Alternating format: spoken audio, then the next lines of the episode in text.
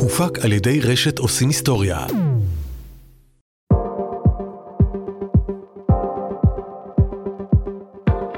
שלום וברוכים הבאים למזוודות שחורות, הפודקאסט של מערך הסייבר הלאומי. אני רן לוי. מאז ה-7 באוקטובר 2023, מדינת ישראל נמצאת במלחמה. אבל אם אתם מאזינים לפרק הזה בעוד שהמלחמה מתנהלת, כנראה שאני לא צריך לספר לכם את זה, כי אתם מרגישים אותה. אנחנו שומעים את מטוסי הקרב בשמיים, שומעים את האזעקות ואת העירותים של כיפת ברזל. אבל במקביל למלחמה הרועשת הזו, מתנהלת גם מלחמה נוספת שרבים בציבור לא מודעים אליה, מלחמת סייבר. מלחמה שקטה וחשאית, שבה פצצות לוגיות מחליפות את מפצחי הבונקרים, ומתקפות כופרה מחליפות את התמרונים הקרקעיים. ולמרות שאף לוחם לא ימצא בה את מותו, לשמחתנו, לתוצאות המלחמה הזו ישנן השלכות משמעותיות על חוסנה הכלכלי והאזרחי של המדינה, על חוסנם המנטלי של אזרחיה, וגם על לחימת צה"ל בשטח.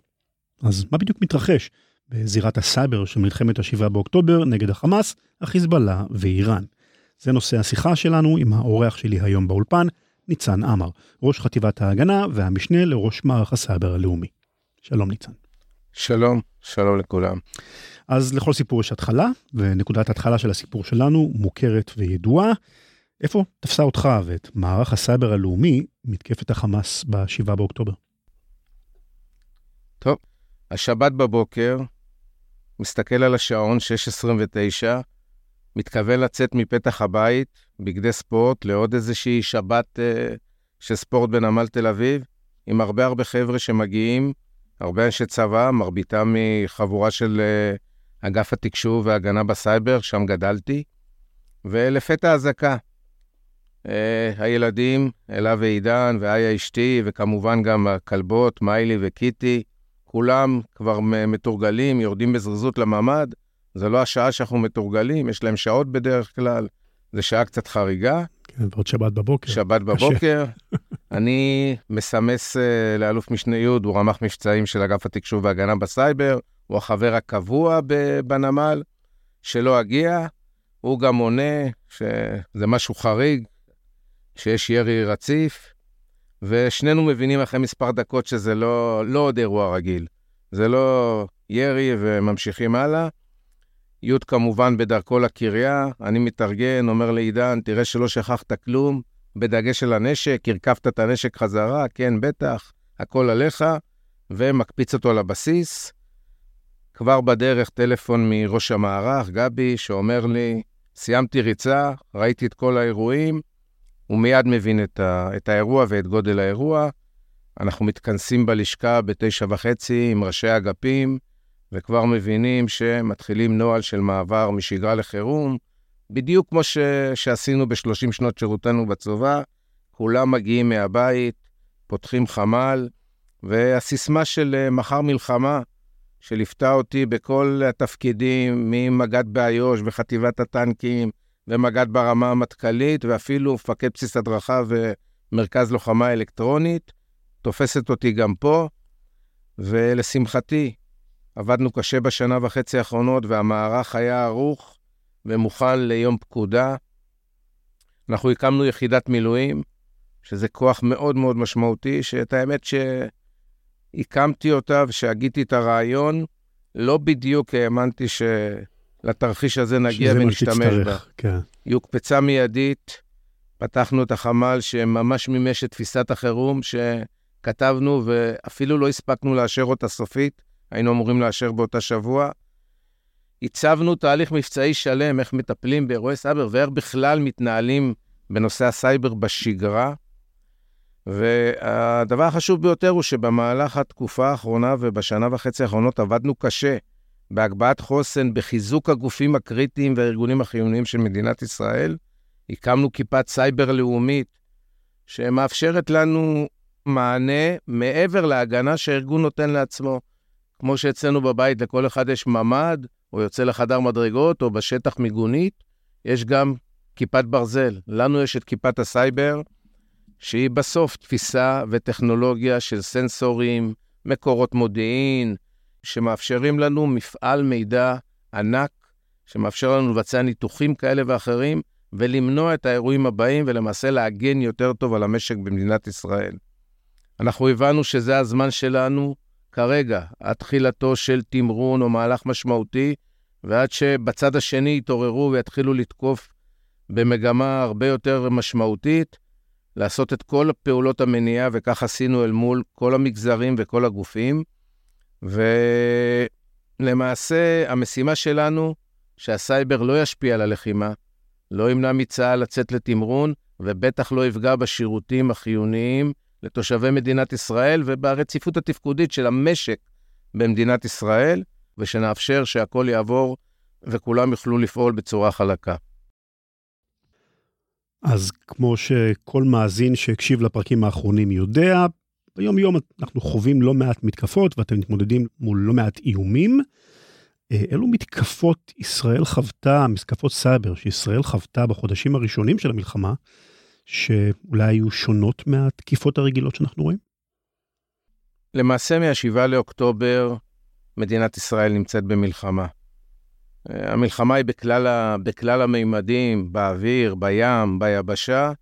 דיברנו בפתיח שאנחנו לא רוצים שהיא תיכנס ל, לאזור הסייבר או שהיא לא תשפיע, אבל היא קיימת באזור הסייבר למרות שהיא לא משפיעה. כל המתקפות הקודמות שהכרנו, ואני אפרט uh, מיד, בשגרה המשיכו וקרו בעצימות הרבה יותר גבוהה. בערך אנחנו מדברים על פי חמש, אם הכרנו 200 מתקפות איראניות בחודש, היום אנחנו מדברים על כאלף אה, מתקפות איראניות בחודש. קפיצה משמעותית קפיצה מאוד מאוד מאוד משמעותית. אבל מה שמאפיין שעם הזמן, במהלך המלחמה ראינו שדרוג משמעותי בפעילות התקיפה. וזה נעשה בצורה הדרגתית.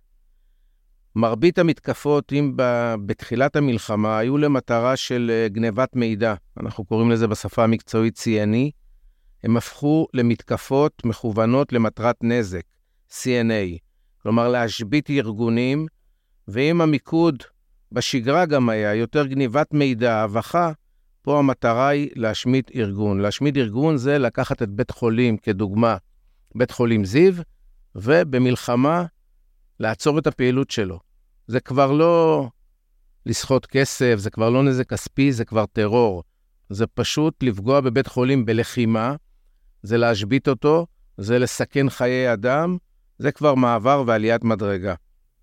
והייתה מתקפה כזאת נגד בתי חולים? כאילו? הייתה מתקפה נגד בית חולים זיו, שהיא מתקפה משולבת, ופה זו עוד קפיצת מדרגה, שילוב כוחות בין איראן והחיזבאללה. במתקפה על בית חולים זיו, על מנת להשבית את בית החולים. לשמחתי, מנענו את ההתקפה הזאת, ו... מנענו השבתה של בית חולים בגזרה צפונית בעת לחימה. אה, אפשר להגיד גם שראינו שימוש בטכניקות וטקטיקות שהשתמשו בהם במקומות אחרים בעולם, גם במלחמת אוקראינה-רוסיה ראינו את זה, ויש קווי דמיון מאוד מאוד אה, בין שני המלחמות האלה. הקו הראשון זה שימוש בלוחמה פסיכולוגית, מה שאנחנו קוראים תודעה. והם ידדו בעזרת הלוחמה הפסיכולוגית מתקפות סייבר שלא בדיוק היו. ולקחו מסמכים ישנים וצילומים ישנים וניסו להפיץ. לתת לנו את התחושה ש... של... שזה כן, עובד. כן, שיש מתקפה ושהשביתו ארגונים, והם הרבה יצרו שימוש בכופרות ופוגענים מסוג וייפר, שהמטרה שלהם באמת אה, להשמיד מידע, לגנוב מידע ולפגוע במידע. אה, אחד המתווים הבולטים ביותר שראינו זה סוג של אה, ריסוס, פעילות ריסוס רחבה. בסוף מרססים מרחב שלם, ארגון שלם, אני אנסה להמחיש רגע למאזין. במקום שיש חולשה, ויש הרבה חולשות, ברגע שאתה מרסס, או במקום שיש סיסמה חלשה, ואין אמצעי הגנה או אמצעי אכיפה נכונים והגדרות נכונות, אז מוצאים את הפרצה ואת החולשה, ותוקפים. אז זו שיטה אחת לרסס, והם עשו את זה המון. הם פעלו בהמון ארגונים בלנסות, וזה גם חלק מתודעה, כי בסוף תקיפת מניעת שירות, שאנחנו קוראים לה דידוס, להשבית אתר לכמה דקות, זה משהו מאוד מאוד תודעתי, כי באמת אין נזק לארגון ממשי, אין פגיעה במערכות, אלא תתאר לך שלדלת מאוד מאוד קטנה מנסים להיכנס בו זמנית אלף איש. אז uh, עושים תור מאוד, אה, עומס uh, מאוד גדול על האתר, ומפילים אותו, זה כמו שהילדים מנסים להשיג uh, כרטיס לאיזה משחק כדורגל או הופעה, וכולם על אותו אתר באותה דקה, yeah. כן. ולא הולך. ממתינים עד שהאתר יחזור לשירות, ופה שיטה לא כל כך uh, מתקדמת, אבל יוצרת גם תודעתית, כאילו בנק X הותקף, או בית חולים כזה הותקף. וכשאתה מספר שבעצם היה ריסוס כזה רחב של המון ארגונים, אז זה מתמקד יותר במישור של תקיפות אה, רשת, זאת אומרת אה, לנסות אה, לתקוף דרך פורטים וכדומה, או שזה יותר בקטע חברתי של פישינג ב- על עובדים וכאלה? בדיוק מה שאמרת. דרך הפישינג אפשר גם להיכנס, אבל הריסוס בא למצוא את החולשה בפורט הרלוונטי, להיכנס, ומפעולה של גנבת מידע ועד uh, השבתת ארגון, ו-90 אחוז או מעבר ל-90 אחוז או מעל 90 אחוז מהאירועים אירועי הסייבר ותקיפות הסייבר הם ניצול של חולשות. הם עשו גם פעילות שפחות אנחנו רגילים לראות. אה, בדרך כלל הפעילות הנפוצה מול ארגונים זה מול מערכות שמבוססות Windows, הם הלכו גם פה מערכות לינוק, שארגונים פחות, אה, פחות ערים לאירוע הזה וגם יש היערכות פחות טובה. התמקדות במצלמות אבטחה ורשת, שזה גם מסתדר עם אירוע התודעה. אחד, אה, גם פגיעה ביכולת שלנו לשמור על המרחב הפיזי. ברגע שפוגעים במצלמות, או אנחנו ננתק מצלמות, אז הן משמשות הרבה פעמים לשמירה על המרחב הפיזי, וכמובן, ניסיון שלהם לאסוף מודיעין רב. אה, דרך מצ... מצלמות רשת פתוחות, לאסוף מודיעין, מודיעין על מה שקורה, כאילו כן, בשטח. זה, זה יכול להיות גם המצלמות הפתוחות uh, ב... בכביש 6 או בקור אחר לראות את השיירות של צה"ל או כל דבר, אבל נקטנו בכל הצעדים על מנת שמה שפתוח ביום-יום ייסגר, ואיפה שאנחנו רואים מצלמות שלא הוחלפה סיסמה ואפשר לפרוץ אליהן וכל מה שקשור, גם בהם טיפלנו. המון מבצעי השפעה, בעיקר אה, לפרסם מידע לא אמין. דיברת על פישינג, אנחנו יכולים לראות המון תקיפות אה, דיוג, אה, אפילו להתחזות לאחת החברות הגדולות שהוצאנו התראה עליה למשק, שהיא חברה שבכלל נותנת אמצעים להגנה ולאבטחת uh, סייבר, והודעה בשמה של דיוג על מנת באמת להפיל המון המון חברות והמון המון ארגונים שמשתמשים באמצעי הזה. המון ניסיונות לתקיפת הפלאפונים האישיים שלנו, המובייל, ואם אני הולך רגע למגזרים, לבריאות, לאקדמיה ולאותם מגזרים שעוסקים בתחום ה-IT, חברות האחסון, שהם למעשה סוג של, אנחנו קוראים לזה גם שרשרת אספקה וגם אב מרכזי במשק.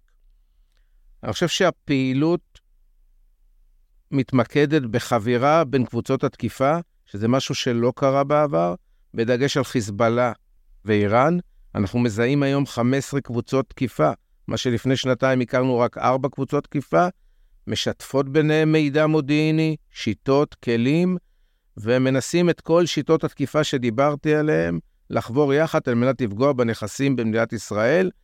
ולשמחתי אני יכול להגיד שלא היו אירועי סייבר שהפריעו לצה"ל בלחימה ולמדינת ישראל להמשיך ולהתנהל בכל השירותים שנותנים לאזרחי המדינה ובכל מה שקשור לרציפות התפקודית של המשק אה, במדינת ישראל. אז יש פה קפיצה משמעותית, אתה מתאר, ממש פי חמש בהיקף התקיפות אה, ובסוגים שלהם. הייתם צריכים כמערך הסייבר הלאומי לעשות איזה שהן התאמות לאופי הפעילות שלכם ביחס לשגרה כדי להתמודד עם התקיפות הרבות האלה? אה, לשמחתי, המערך ערוך גם אה, מה שנקרא לג אחד קדימה.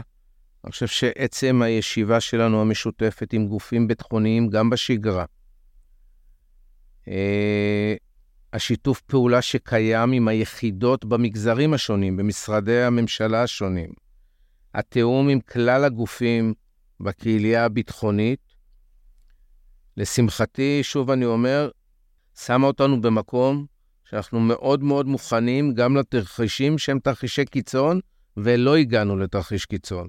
יש פה קפיצת מדרגה, אבל הוא לא תרחיש קיצון. אני חושב שכפי שאמרתי, נכנסנו מוכנים.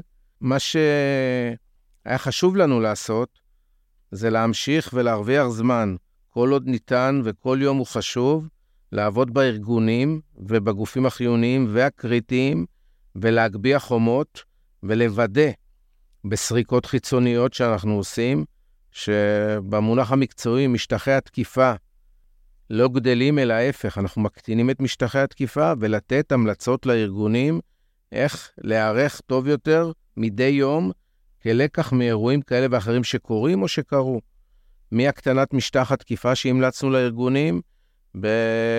זה סוג של מיפוי רציף ומעקב אחרי כל שינוי שקורה בארגון, ולבצע כל מיני פעולות להקטנת המשטח, מבטלים לדוגמה נגישות לפורטים רגישים, חיבורים חיצוניים, לבצע עדכוני אבטחת מידע, בעיקר לאור חולשות שאנחנו מגלים ולהקפיד שזה יתבצע בזמן מיידי. כל מה שקשור לעדכונים דיברתי, כל מה שקשור uh, לגישה לממשקי ניהול מהאינטרנט, המלצנו באמת להימנע משימוש בתווך האינטרנט uh, לשם גישה לממשקי ניהול, כמה שפחות עבודה מרחוק ופתיחת פורטים שמאפשרים. וכל ההנחיות האלה, כולל הקשחות עמדות קצה ושרתים, אלה הנחיות שהגבהנו חומות תוך כדי לחימה על מנת באמת להיות מוכנים להחמרה נוספת במצב.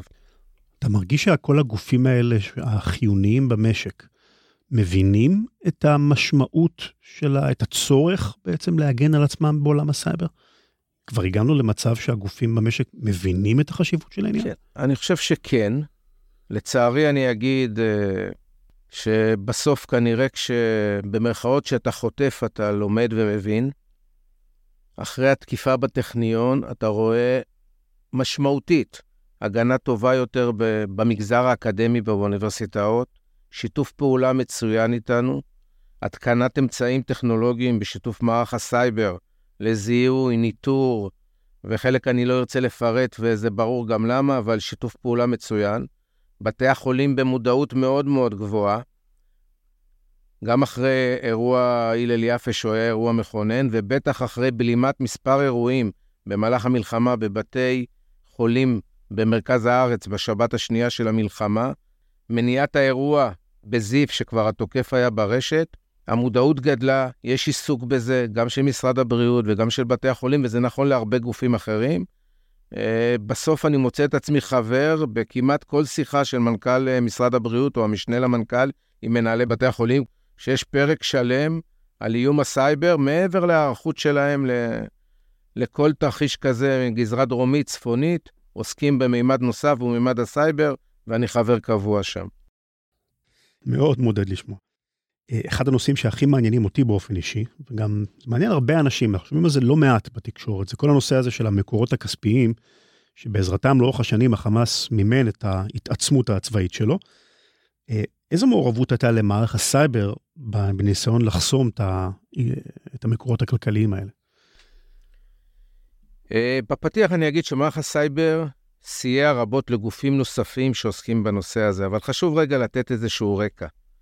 אה, הרבה שנים מדינת ישראל, במקביל ללחימה הפיזית ולהגנה בסייבר, וחלק גם אה, ייחסו לנו גם סוג של התקפה, אבל בזה אני פחות עוסק, אני אחראי על ההגנה, יש מערכה כלכלית עיקשת של המדינה כנגד ארגוני הטרור ו- וגורמי המימון של הארגונים האלה ברחבי העולם, ויש הרבה כאלה, כמו שאתה יודע.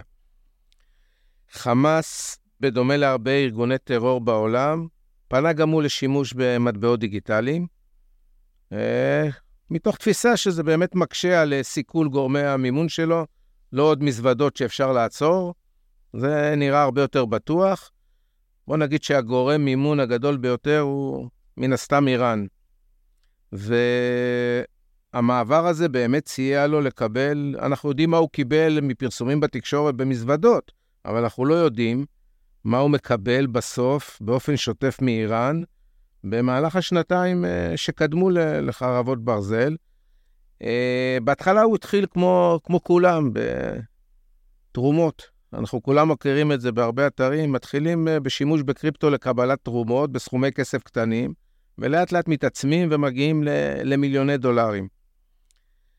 יש גוף במדינת ישראל שנקרא מט"ל במשרד הביטחון, ועל פיו הקריפטו נהפך לחלק חיוני מהפעילות המבצעית. זה ממש חלק מהתהליך המבצעי שלהם, כמה שזה נשמע הזוי, והכספים האלה מועברים לרכישת אותם אמצעי לחימה שאנחנו רואים ומוצאים עכשיו, ולכל מה שקשור לפעולות הטרור. זה אמצעי לחימה, וזה כסף גם לקניית בטון או לכל דבר שאנחנו רואים באזור. בסוף, כמו בכל דבר, כמו בסייבר, גם פה צריכים שותפים רבים, ויש מלחמה כלכלית בארגוני הטרור האלה. כל השותפים, כולל אנחנו, זיהינו ותפסנו ארנקים דיגיטליים שהכילו עשרות מיליוני דולרים, מביטקווין ועד uh, טרון, או כל מה שאתם מכירים, כל השמות. Uh, בסוף אנחנו כמערך הסייבר הלאומי הצטרפנו כשותפים למערכה הכלכלית הזאת מתחילת המלחמה. פיתחנו כלים טכנולוגיים ושיטות, דברים שהיו קיימים מעולם הסייבר, שאפשרו לנו לאתר עשרות רבות של קמפיינים למימון טרור בשווי מיליוני דולרים. הייתה להם מטרה אחת בסוף, לתת מענה לאותם אתגרים שציינתי של המערכת הביטחונית ושל מט"ל, והשותפים באו ושיקפו לנו את האתגר, ואנחנו כחלק מ... נקרא לזה אחריות מרחיבה, או חלק מזה שאנחנו מבינים שפשיעה היא, יש גם פשיעת סייבר, והיא חלק מאירוע סייבר, ואנחנו צריכים להיות חלק ממנו. ואני חושב שהכלים הטכנולוגיים האלה פרוסים על מספר רחב מאוד של אה, פלטפורמות, שבהם פועלים מגייסי התרומות, במרכאות, של ארגון הטרור, ובהרבה רשתות חברתיות, ואני חושב שהסיוע שלנו אל מול הגופים המדינתיים הביטחוניים, בדגש על מט"ל, סייע רבות בעצירת התופעה הזאת. אז כפי שאנחנו כבר מורגלים בשנים האחרונות, גם המלחמה הזו מתאפיינת בהמון המון fake news שמופץ, גם ברשתות החברתיות, גם בכלי התקשורת הבינלאומיים, אחרים. עד לאחרונה, מערך הסייבר לא ממש התעסק בתחום הזה, אבל הנה השקתם קמפיין חינוכי תחת השם שטפת, עם יניב ביטון, שעושה עבודה מדהימה. תספר לנו על הקמפיין הזה, אבל בעיקר, למה החלטתם בכלל להיכנס לתחום הזה, להתערב בו? כן, קודם כל צריך להגיד ולפרגן לעצמנו שהקמפיין הוא, היה קמפיין מאוד מוצלח וקיבלנו הדים מאוד חיוביים. אני חושב שהשאלה המאוד נכונה שנשאלה, מדוע החלטתם להתערב בתחום הזה? הרי זה לא באמת סייבר. ואין פה כניסה לרשתות uh, מחשוב וניסיון לשבש רשתות וניסיון לגנוב מידע, אלא עולם התודעה.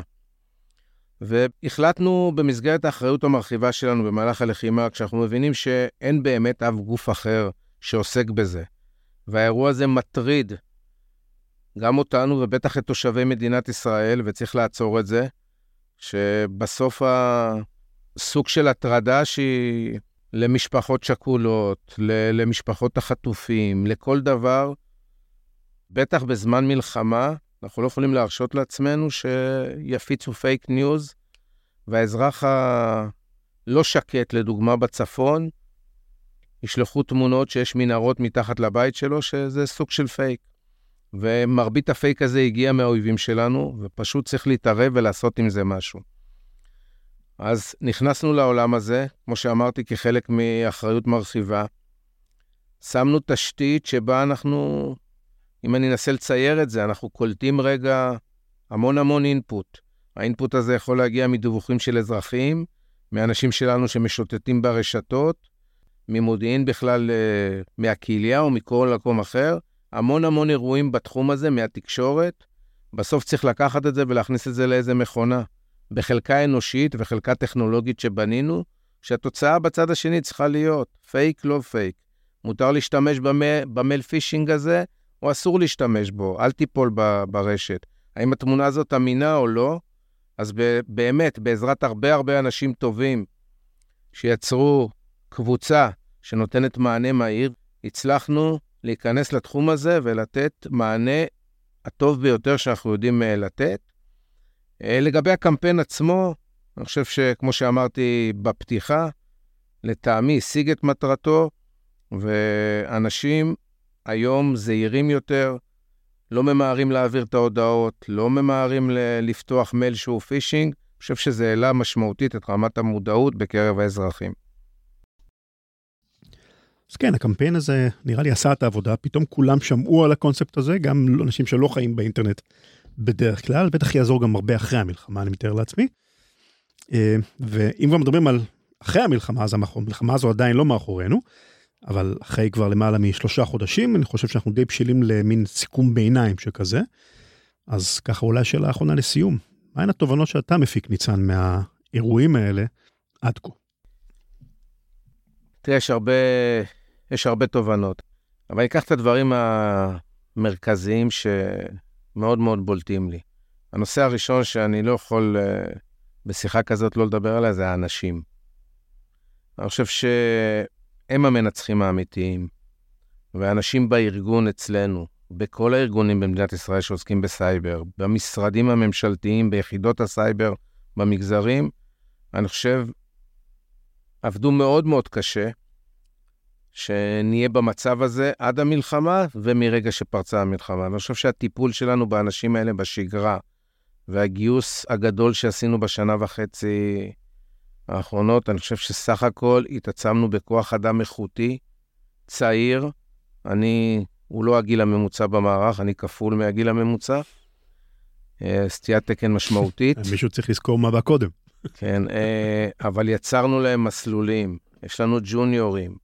אני חושב שעשינו, בתחום הזה עשינו באמת אה, מהפכה, ואני שמח שאנחנו יודעים להתמודד גם עם פיתויים גדולים גדולים במשק ובחברות, ואנשים נשארים איתנו. אבל לא לעד, אנחנו רוצים שהם יצאו החוצה לחברות, יחזרו חזרה, שתהיה תנוענתיות. ככה אנחנו מצליחים לבנות שדרת, שדרה של אנשים איכותיים ומקצועיים בתחום הזה.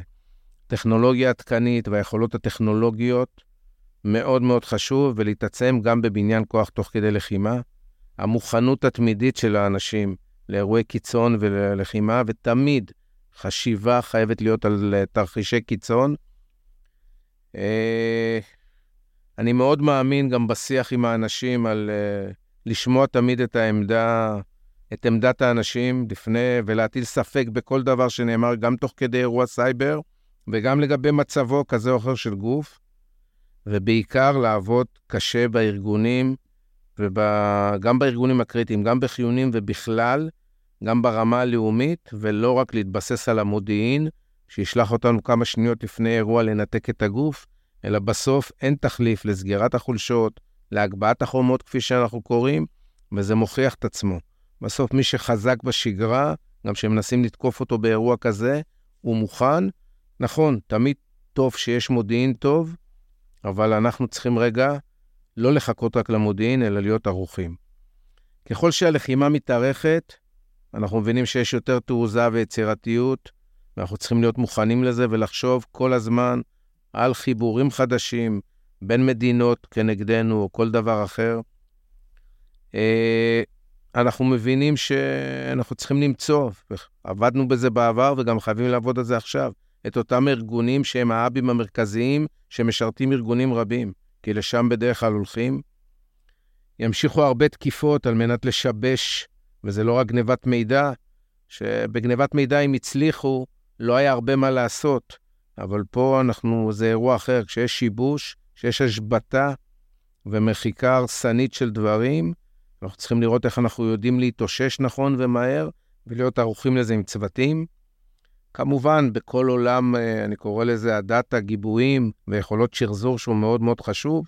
יש פה הרבה תובנות ולקחים שהם אה, טכנולוגיים, אני אקרא לזה, אבל אני בעיקר הולך לתובנות שדיברתי עליהן בהתחלה, אה, בהיבט המוכנות, בהיבט האנשים, בהיבט החשיבה על תרחישי קיצון, כל הדברים שאני מאמין שברמה הלאומית, מעבר להנחיות הטכנולוגיות והטכניות, אנחנו צריכים לעסוק בהם על מנת שכל המימד הזה יהיה ערוך ומוכן יותר טוב למלחמה.